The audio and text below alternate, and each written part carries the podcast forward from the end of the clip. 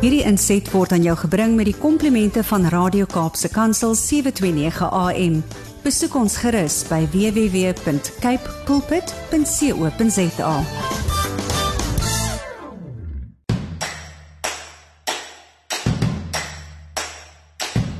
Jy is ingeskakel by Radio Kaapse Kansel en dit beteken jy luister na Landbou Landskap want dit is Saterdagoggend. Dit is net na 7 en 'n hartlike goeiemôre van my Willem van Jaarsveld, jou gasheer, elke Saterdag tussen 7 en 8 op hierdie stasie. Ek is bly dat jy vanmôre weer by my aangesluit het vir 'n baie kort uurtjie se kuier. Vanmôre is ons program so ietwat anders as ander oggende. Ek glo jy gaan dit baie geniet. Dalk net die ding om 'n lekker Saterdag mee in te lei. Kom ons kyk hoe loop die program vir oggend. Om 10 oor 7 kom saad vir die saaier aan die beurt en ons lees vanmôre uit Psalm 91. Kapstok is die nuusgleef en dit kom aan die beurt om so 7:20 weer interessante paar dingetjies waarna ons daar in Kapstok gaan kyk. Huis en hart begin omstreeks 7:30, 7:30 en vanmôre gesels ek so 'n bietjie met julle oor die ervarings wat ek die afgelope tyd gehad het met my besoek aan uh, KwaZulu-Natal en ek gesels ook met meneer Johan Geldnys. Hy is 'n streekbestuurder van die noordelike streek uh, van KwaZulu-Natal vir AAM wat 'n lewende hawe afslaers en agente is. Baie interessante gesprek wat ek met hom kon gevoer het. Ek wil baie graag hê dat julle sal bly luister om dit te hoor. Dan uh, in stories van hoop het ek dit goed gedink om vanmôre so 'n bietjie met jou te gesels oor dit wat my gewaarwordinge die afgelope tyd was, soos wat ek deur 'n pragtige deel van ons land moes reis en dit het vat mense kop so 'n bietjie rond en jy dink oor wat jy sien en jy dink oor die een wat dit alles in 'n woord tot stand gebring het. Uh, ek ek hoop jy gaan ook genot daaruit put en dalk so 'n uh, ietsie vir jou pad vorentoe. Ons is deurlopend op soek na stories van hoop. Dalk het jy 'n storie of 'n getuienis en ek vra jou om dit met ons te deel. Stuur vir my 'n uh, e-pos na die e-posadres patlangsgepraat@gmail.com en patlangsgepraat is alles een woord. Tik asseblief die woorde stories van hoop in die e-pos se adreslyn en dan verseker jy so dat die e-pos op die regte plek uitkom. Landbou landskap word aan jou gebring met die komplimente van Cape Pots varsprodukte mark. Ek nooi jou graag om met my en sommer met ons almal hier by Radio Kaapse Kansel te gesels deur middel van ons WhatsApp en Telegram nommer 081 729 1657 of stuur 'n SMS na 37988 en begin jou boodskap met die woord landbou, dan weet ons dit het verband met hierdie uh, uitsending of hierdie program. Uh ons wil graag van jou hoor, ons wil jou idees hoor, ons wil kommentaar hoor op dit wat ons doen, dit wat ons uitsaai. Ons wil hoor wat wil jy hoor? Waar stel jy belang? Wat kan ons moeite mee maak om jou Saterdagoggend op te vrolik? Laat my weet. Uh ons sal dit so waardeer elke ou stukkie terugvoer, elke inset van jou kant af maak die gesprek en die geselskap, die saamkuier soveel lekkerder. Ons gesels net hierna verder bly ingeskakel. Jy luister na Landbou Landskap op Radio Kaapse Kansel op 729 AM en ook wêreldwyd op die internet. Wat 'n vreugde om te dink dat ons hierdie program elders in die wêreld ook kan luister, nie net daar waar 729 AM se senders die woorde en die musiek vat nie. Dis altyd vir my so 'n uh, 'n wonderlikheid om daaraan te dink dat die wêreld het baie klein geword. Tegnologie het die wêreld klein gemaak en dit het vir ons nuwe moontlikhede oopgemaak. Ek wil jou vanmôre 'n vraag vra. Wanneer laas het jy so 'n bietjie rondom jou gekyk, daar waar jy bly, daar waar jy ry en dit wat jy sien, die veld, die blomme, die mense, die diere, die bosse, die bome, die berge, wat jy ook al sien. En sommer net 'n groot dankbaarheid gekry dat jy vandag weer dit kan beleef. Toets dit 'n bietjie. Dis 'n groot vreugde om dit so te doen. Vervolgens 'n stukkie musiek en dan kom ons by saad vir die saaier en ons lees vanmôre Psalm 91 verse 2 tot 4. Dit het nou tyd geword eh, vir saad vir die saaier in ons tema vanmôre my toevlug en my bergvesting. Ons lees Psalm 91 verse 2 tot 4. Daar staan: Ek sal tot die Here sê, my toevlug en my bergvesting, my God op wie ek vertrou, want hy is dit wat jou sal red uit die net van die voëlvanger, van die verderflike pes. Hy sal jou dek met sy vlerke en onder sy vleuels sal jy skuil. Sy trou is 'n skild en 'n panser. Ek het die afgelope tyd weer die voorreg gehad om groot dele van ons mooi land te kan besoek en ek het net weer onder die indruk gekom van die allemintige majesteit wat daar is in die skepping. Dit is wanneer jy berge sien soos die Drakensberge, soos die Witsenberge, soos die Swartberge en oral waar jy hierdie groot groot berge sien, gaan jou gedagtes of minstens myne gaan daarna toe om te dink wie het dit alles gemaak? Hoe groot moet hy wees want dit wat ek sien is net eenvoudig in 'n ander dimensie. En as ek dan lees wat die psalmis in Psalm 91 skryf en hy sê ek sal tot die Here sê my toevlug en my bergvesting, dan wil ek heelhartig met hom saamstem. Want dit kom by 'n mens op dat daardie godheid wat geskep het met soveel lus, met soveel pragt, met soveel uitbundigheid, soveel kleurskakering. As hy my toevlug is, as hy my bergvesting is, as hy die een is op wie ek kan vertrou om my te bewaar teen alles wat my lewe, my bestaan, my alles wat ek het kan bedreig. Dan behoort dit 'n vertroosting te wees soos wat die psalmis ook sê. Dit behoort vir my en vir jou 'n vertroosting te wees. Maar meermale dan dink ons ons vind hierdie heenkome eintlik in wat ons besit in wat ons is, in ons titels en ons geleerdheid, in ons geld en dit is tog so ver verkeerd. Dit het tyd geword dat ons anders daaroor dink. Kom ons bid saam. Vader, ons kom vanmôre na U toe met 'n diepe besef van as ons voor U staan, is ons eintlik so nietig, so klein, so niks beduidend. Maar dit is om hoekom ons voor U staan, want U het U seun vir ons gegee en deur hom en tot hom is alle dinge. En deur hom is ook die poort waar of die deur waardeur ons na U kan gaan. En ons staan vanmôre en ons sê Here kom ons swakke mens asseblief tegemoet gee vir ons die vermoë om met ander oë na U te kyk en te besef U is ons toevlug. U is die enigste bergvesting waar ons veilig kan skuil. Ons vra dit in Jesus se naam. Amen.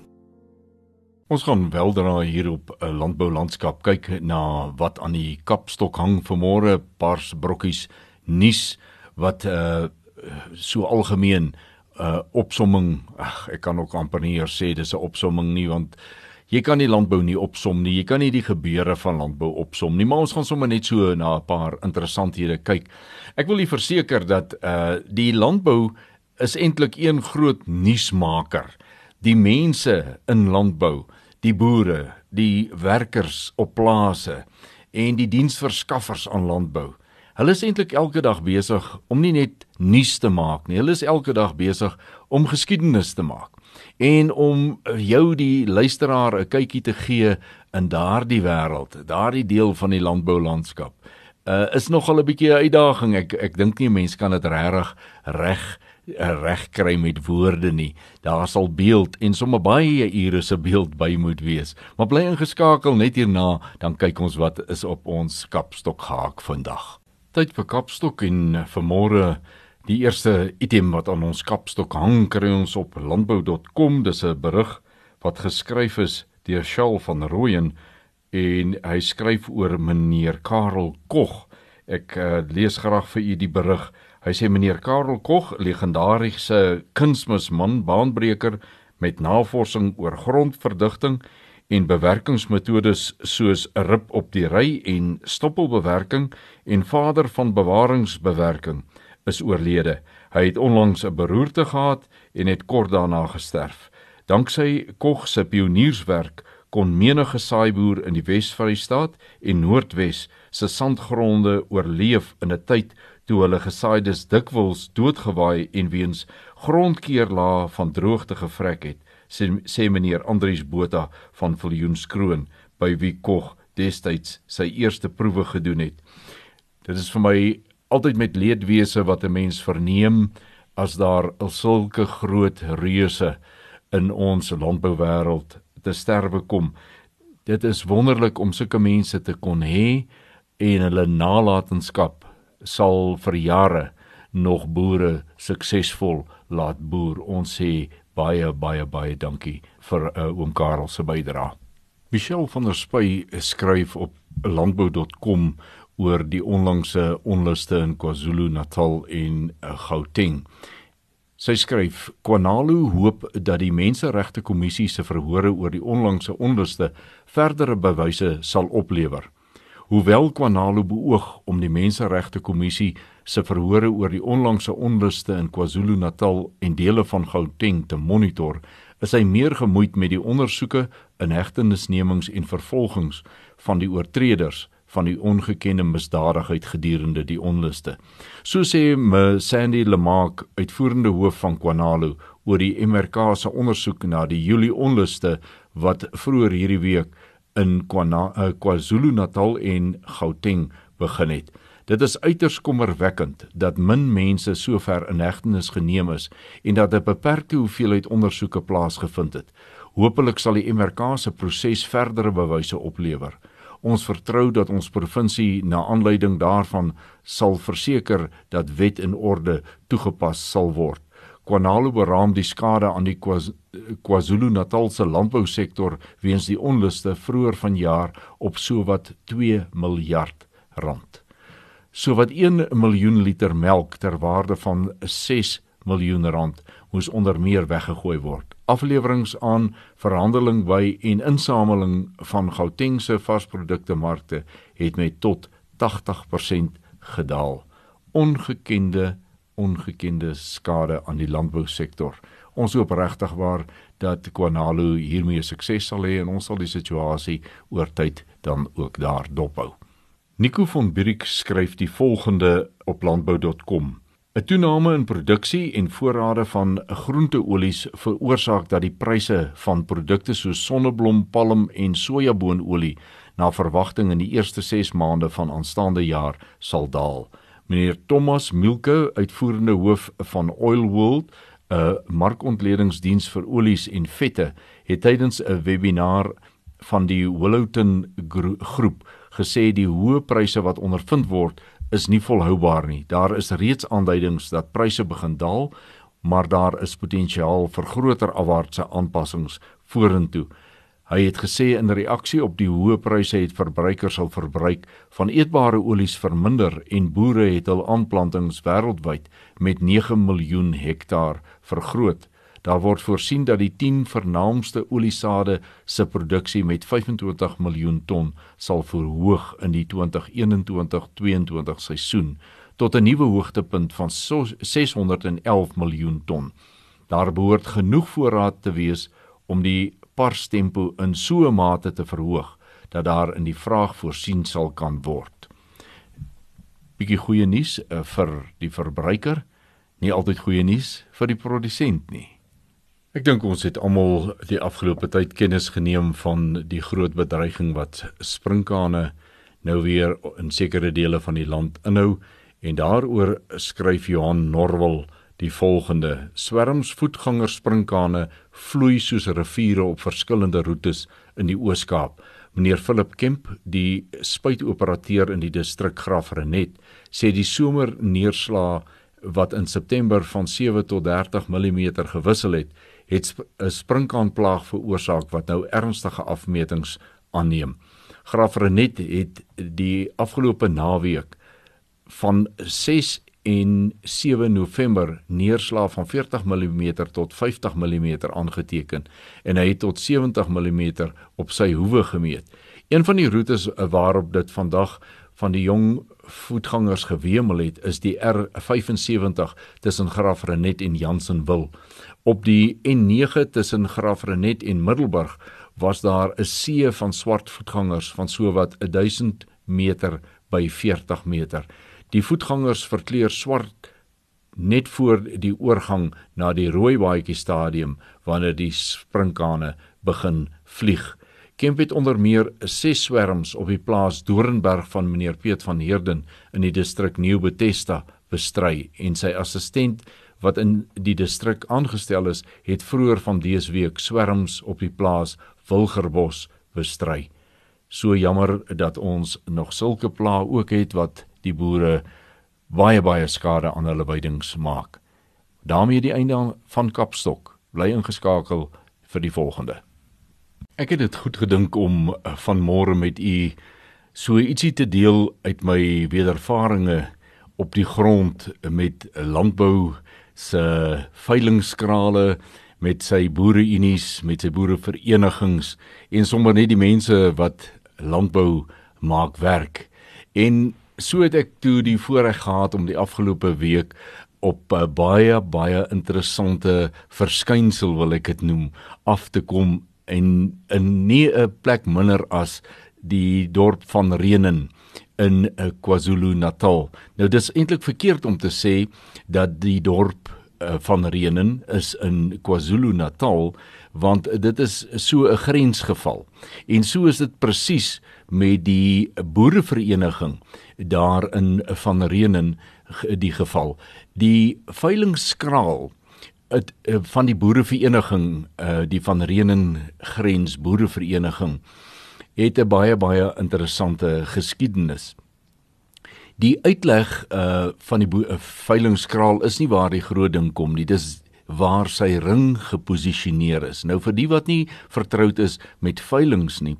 Die diere wat op 'n veiling verkoop word, word in 'n ring gejaag. Dit is fisies 'n ronde uh struktuur en dan word die diere in daardie struktuur beweeg deur iemand in die ring sodat die kopers, potensiële kopers, na die diere kan kyk van alle kante en 'n uh, 'n waarde op die diere sit en dan besluit watter van hulle of almal van hulle in teen watter prys hulle wil koop.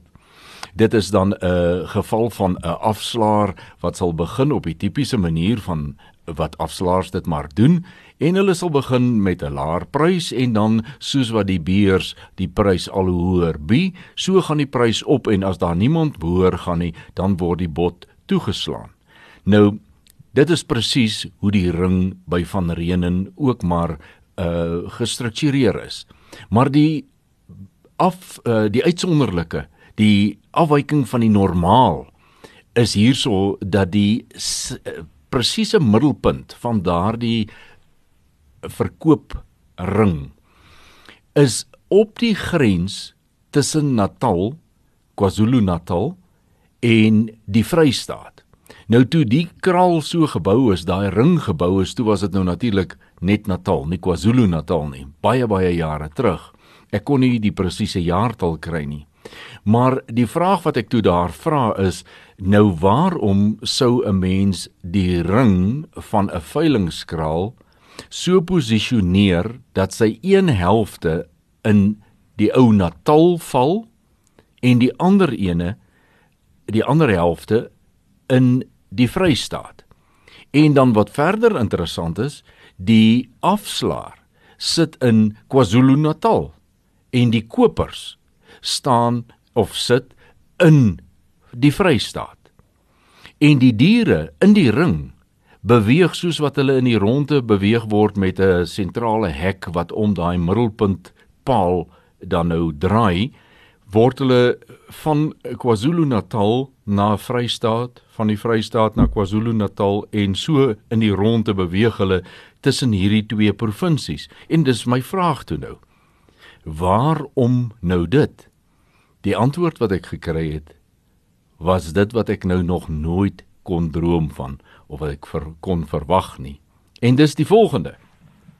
Blykbaar toe hierdie veilingsring toenter jare gebou is, was daar tussen Natal en die Vrystaat die volgende groot verskil. En dit is dat Natal het 'n soort van 'n belasting gevra op diere wat verkoop word. En het daar toe nou in die vernuftige boeregemeenskap die gedagte ontstaan dat hierdie mense kan mos dan nou as jy die beeste in die ring beweeg, die oomblik wat die bees uit Natal uitgaan en in die Vrystaat se helfte van die ring staan en die kopers sit in die Vrystaat en die koper koop die beeste dan is die transaksie dan mos eerder in die Vrystaat en nie in Natal nie. Of die afslaer dan nou in Natal is, dit maak nie saak nie. Hy fasiliteer net die koop. Die fisiese transaksie vind plaas in die Vrystaat, want die koper en die beeste is ten tye van die toeslaan van die bod in die Vrystaat. En so dra daardie diere ongeag waar hulle vandaan gekom het, hulle is verkoop in die Vrystaat en dra hulle dan nie hierdie addisionele koste nie. Daar was natuurlik uh, blykbaar so 'n bietjie van 'n 'n ander ding ook want uh dit was baie moeilik vir uh, sekere mense daai tyd om in die Vrystaat te kon beweeg en vrylik handel handel dryf en dis meer en ook daardie probleem is toe sommer oorkom met hierdie manier van doen. Nou dit was vir my uiters interessant. Maar dit het my ook onmiddellik laat dink. Dit wys jou hoe lank al het die boere 'n soort van 'n vernuf, 'n sakevernuf as jy dit wil noem, Party mense gaan dit waarskynlik iets anderster noem. Maar die vernuftigheid om presiese bepalinge te doen van waar skei die twee provinsies en hoe ons die nadelige belasting van die een kan uitskakel bloot deur net die plasing van waar hierdie transaksie gedoen word so te doen dat ons nie nodig het om hierdie addisionele koste aan te gaan nie. Dit is vandag nog so dat boere kan na 'n probleem kyk op 'n ander manier as wat ander mense kyk. Hulle kyk na 'n probleem, sien 'n oplossing wat ander nie sou gesien het nie.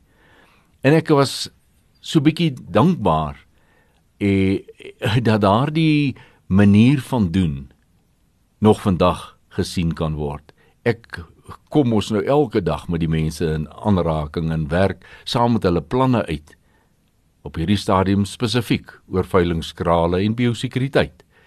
En dan is dit vir my wonderlik om te sien die onoortreffelike vermoë wat boere het om te sê nee maar goed as dit dan die probleem is hier is die oplossing. En daar's dit, dis die oplossing. En vir baie jare, selfs tye nadat hierdie belasting nou nie meer 'n rol speel by ons boere se fundisie transaksies nie.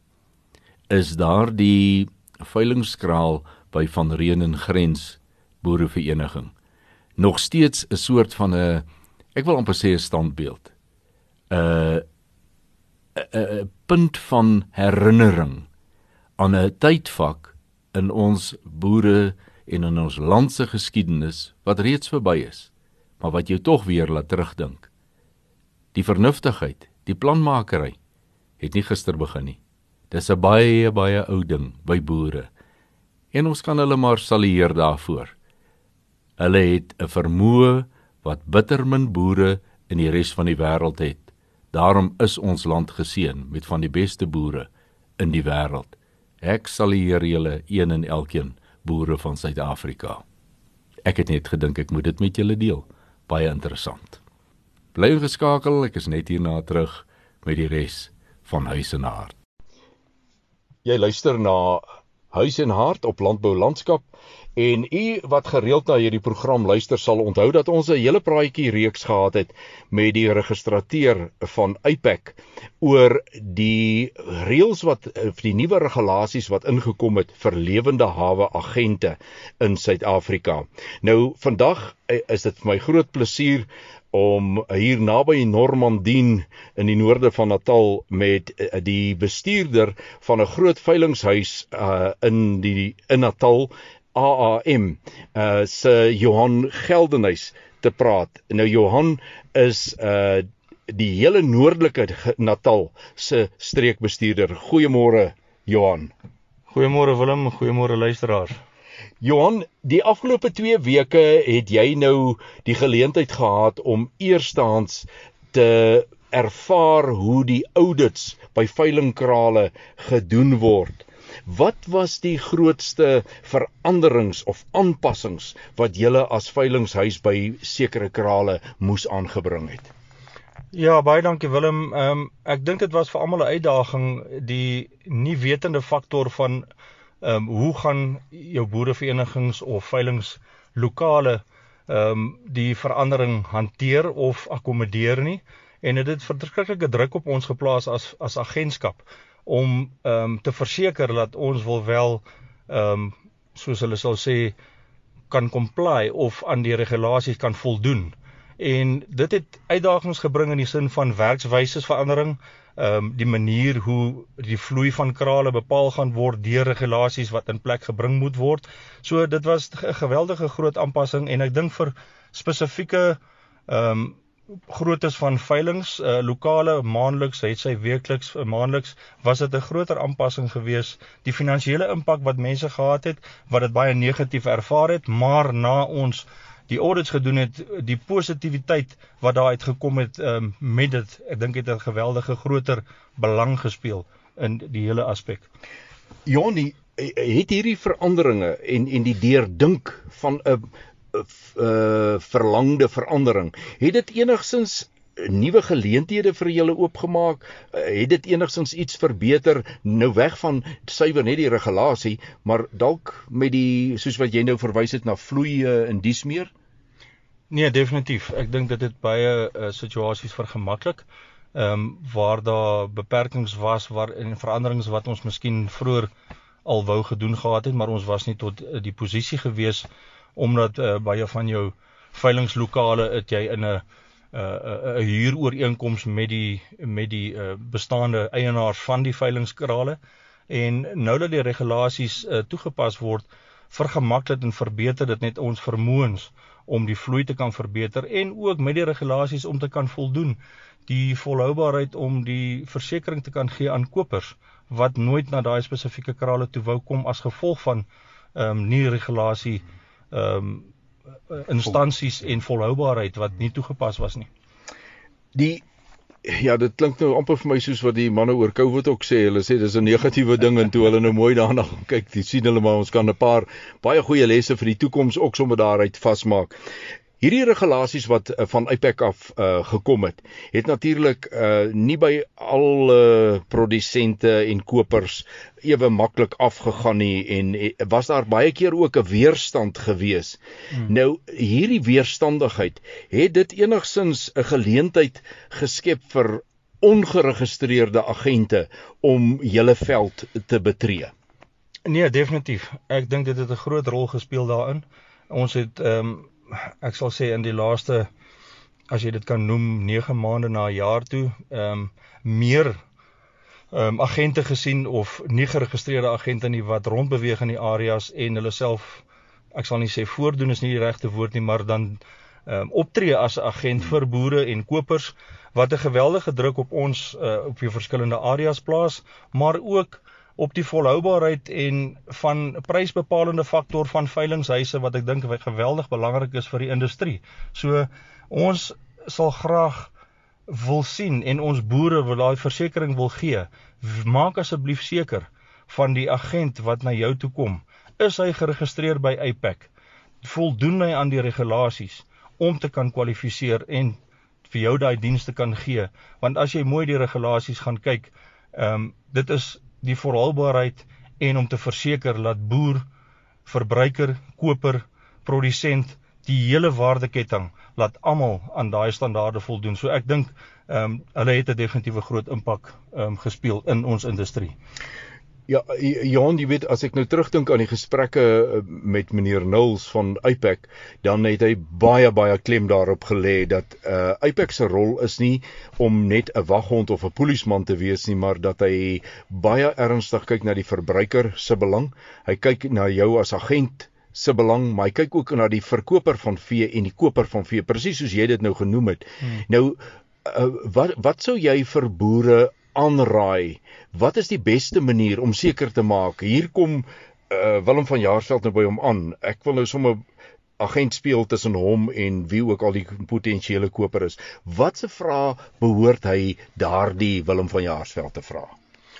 Ja, Willem, ek dink die eerste vraag wat 'n boer aan aan die agent moet vra is: Is jy geregistreer by APAC? En indien hy vir jou wel sê ja, hy is geregistreer, moet hy vir jou 'n kaartjie kan toon. Elke persoon moes 'n eksamen gaan aflê en moes 'n eet gaan aflê. Ehm um, en hulle kyk na kriminele rekords, daar sekere vereistes waaraan jy moet voldoen om te kon kwalifiseer as 'n agent. En ek dink as daai persoon nie dit vir jou kan tentoonstel nie, moet dit nie moenie net aanvaar hy is 'n agent nie. So ek dink ehm um, dit is baie baie belangrik vir 'n boer om daai versekering te kan hê dat die die man is wel geregistreer by APAC. In die algemeen, na hierdie 2 weke ondervinding van jou, dink jy die APEC regulasies is betekenisvol vir die toekoms van die lewende hawe bedryf in die algemeen? Definitief, ek dink dit het 'n dit speel 'n baie groot rol in die volhoubaarheid, ehm um, in die toekoms wat vir ons inlê, voorlê, ehm um, as as as produsente, as agente, as as as verbruikers met daai nodige regulering wat daar so is en ons uitvoerstatus te kan behou om ons bedryf op 'n langtermyn daai versekerings te kan gee met die regte regulering waarby APEC ehm um, Foot and Mouth Forum ehm um, almal betrokke is die nodige insette kan lewer om op die einde van die dag te verseker dat ons hierdie industrie kan maak werk. Johan, ek sê vir jou baie baie dankie. Dis altyd vir my lekker om met mense wat soos ons in boeretaal sê met hulle tone in die mis in die kraal staan te kan gesels, want dis waar jy die dinge hoor wat jy nêrens anders ter hoor nie en dit was vandag vir my 'n baie groot voorreg om met jou wat 'n besige man is ook te kon gaan 'n uh, bietjie kom gesels en dankie dat jy vir my tyd gemaak het. Ek wens jou baie sterkte toe. Dis 'n baie groot taak wat jy op hande het. Daar's baie veilingskrale wat onder jou val en al die veranderinge in die uh, opgraderings en dinge. Baie baie sterkte. Mag jy geseënd wees in in die dae vorentoe. Baie baie dankie Willem. Ons waardeer ehm um, jou gesindheid uh, wat jy dit mee benader het. Ek dink baie mense was negatief geweest om te dink ons word nou onder die kam geskeer hierso, maar ek dink ehm um, ja, dit was regtig waar ehm um, 'n rimonie hart geweest. Dit was regtig waar lekker geweest om met 'n persoon soos jy te kon deel om ook hierdie proses te kon aanpak en om te weet daar is lig aan die einde van die tonnel en die gesindheid wat teer mense met jou aankoms hierso het dit oornag verander met jou weggaan hierso het mense dit heeltemal uit 'n ander oogpunt en 'n perspektief gesien. So baie baie dankie daarvoor en geseënd ook met julle pad vorentoe en ons sien uit daarna om saam met julle te werk. Baie dankie. Dit was dan meneer Johan Geldenhuys. Hy is van AAM uh agente in in Natal en ek die hele Natal streek. Hy is die bestuurder van die noordelike gedeelte van Natal. Uh u het geluister na Huis en Hart op Landbou Landskap. Bly ingeskakel. Ons gaan net hierna aan met die program. Ek wil vandag graag 'n stories van hoop as 'n soort van 'n huldeblyk uh versorg. 'n Huldeblyk aan ons landbouers. En ek wil graag vir julle die agtergrond gee wat my tot hierdie stap oortuig het. Ek het die laaste tyd deur 'n hele paar van ons 9 provinsies gery, padlangs gery. En ek het uit die aard van my rywerk het ek nie die hoofweë noodwendig gery nie. Ek het ook daardie paadjies wat eh, die gewone mens, die alledaagse ritte nie eh, sal onderneem nie. Die plekke waar ek gery het is daar waar die boermense, die boere van elke distrik, die landbouer, die landbouer en sy diensverskaffers, dis waar hulle ry. Dis hulle normale paaie, dis hulle elke dag se paaie. Maar ek het ook die uh, hoë weë met die N vooraan uh verskillende nommers met 'n N vooraan. Het ek gery en ook gesien wat daar aan die gang is. En ek wil vir u vandag sê, Ek het soos wat ek aangaan, het ek teruggedink aan 'n dag wat ons in vergaderings gesit en beklei het met die mense wat verantwoordelik is om ons paaie ordentlik in stand te hou. En dan het ek so vlugtig weer uh, die stemme gehoor, die woorde gehoor wat daar vir jou gesê word, ja maar en dan is daar 'n lang rits van redes waarom dinge nie mooi in stand gehou word meer nie. En dan kan ons maklik sê ja, dit is nou maar so en ons moet dit so aanvaar, maar ek wil vir u sê ek ry uh, byvoorbeeld op uh, een van hierdie N nommers en ek wonder by myself hoe is dit dat so 'n belangrike amper 'n lewensaar van die ekonomie so vervalle kan raak? En hoe is dit dat mense wat daar werk dit op so 'n manier doen dat die vloei van verkeer, die vervoer van belangrike produkte, party rouprodukte, primêre produkte, ander klaargemaakte produkte, party is op pad na verwerkers toe uh, van boere af na die verwerkers toe en party is van die verwerkers af na die winkelrakke toe op pad. Maar almal moet oor hierdie paaie ry om die produk wat ek en jy op die winkelrak ry te kan vervoer en dit op die winkelrak te plaas. En dan staan 'n mens verstom om te sien met hoeveel uh of laat ek sê met hoe min dringendheid of gevoel van dringendheid daar gewerk word want môre is nog 'n dag. En toe kom ek tussen verkykerskop en memel.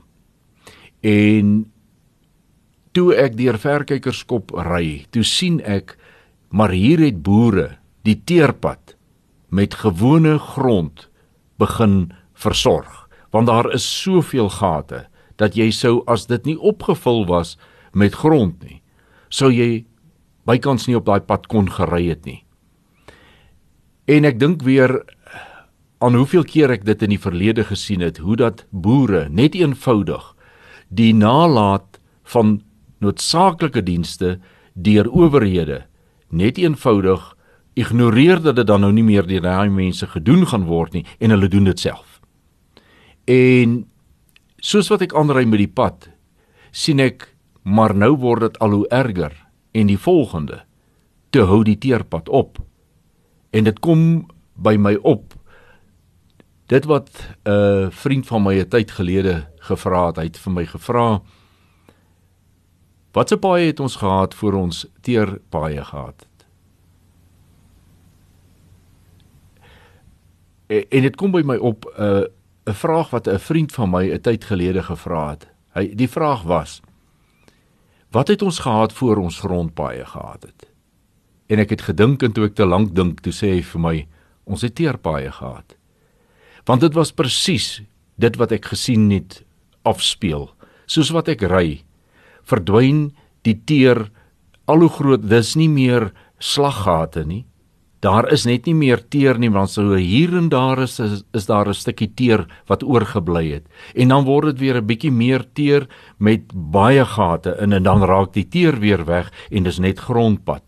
En ek kom by 'n boer en ek maak 'n opmerking. 'n boer net so diskant memel en ek sê vir hom jette jong hierdie pad is daarom verskriklik sleg en dis mense wat groot graan en aardappel uh, produsente is.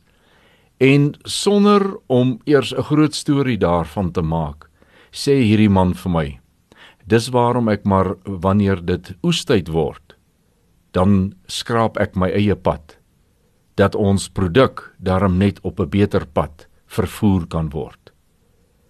En sulke woorde is vir my weer 'n toonbeeld van 'n deel van ons samelewing. Ons noem hulle boere wat 'n ander tipe ruggraat het, wat 'n ander tipe oriëntasie het. Dit is die mense wat sê as julle dat dan dit nie wil doen nie, as julle nie met ons belastinggeld dit wil doen nie, dan gaan ons dit self doen. Want aanhou boer, aanhou kos produseer, gaan ons aanhou en ons sal aanhou en die volgende geslag gaan aanhou. En dit is vir my dinge wat my hoop gee om te sien dat al is die omstandighede hoe daar is diegene wat sê ten spyte van sal ek aanhou en ek sal die beste van die saak maak vir my, my eie mense, die mense in die dorpe en stede en vir die hele land. Maak nie saak wat gebeur daar buite nie. Ek is so dankbaar. So dankbaar om mense te kon ontmoet. Meer en meer sulke mense te ontmoet wat hierdie siening het. Ek waardeer hulle uit my hart uit en mag ons maar vir hulle bid. Want dit is nie aldag maklik nie. Daar is baie bedreigings daar buite op die platte land. Kom ons hou aan om hulle aan die Vader op te dra en dat hy sy hand oor hulle sal hou en hulle altyd bemoedig en versterk.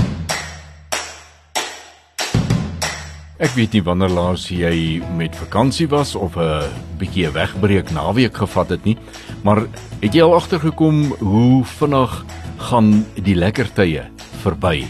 Dit het 'n manier om te vlieg. 'n Oomblik in die tyd te wees en dan's dit klaar, dan's dit verby en so het dit vanmôre ook weer gebeur met 'n landbou landskap Hierdie uur het so vinnig verbygegaan. Ons is aan die einde van ons program en ek sê vir jou baie baie dankie dat jy vanmôre by Radio Kaap se kantoor aangesluit het, na Landbou Landskap geluister het. En volgende Saterdag maak ons weer so. Tussen 7 en 8 is dit altyd Landbou Landskap hier op hierdie sender 729 AM. Baie dankie aan Cape Pots varsprodukte Mark wat vir ons hierdie uitsendings elke Saterdag moontlik maak. Onthou, jy kan met ons gesels op die nommers wat ek reeds gegee het en as jy ook wil deelneem aan stories van hoop, dan kan jy gerus vir my 'n uh, e-pos stuur na die e-posadres patlangsgepraat@gmail.com en onthou patlangsgepraat is een woord. En maak die e-pos se onderwerp stories van hoop. Tot ons weer saam kuier volgende Saterdag om 7 groet ek jou Willem van Jaarsveld en mag jy elke oomblik Vader se guns op jou lewenspad beleef wederom. Hierdie inset was aan jou gebring met die komplimente van Radio Kaapse Kansel 729 AM. Besoek ons gerus by www.cape pulpit.co.za.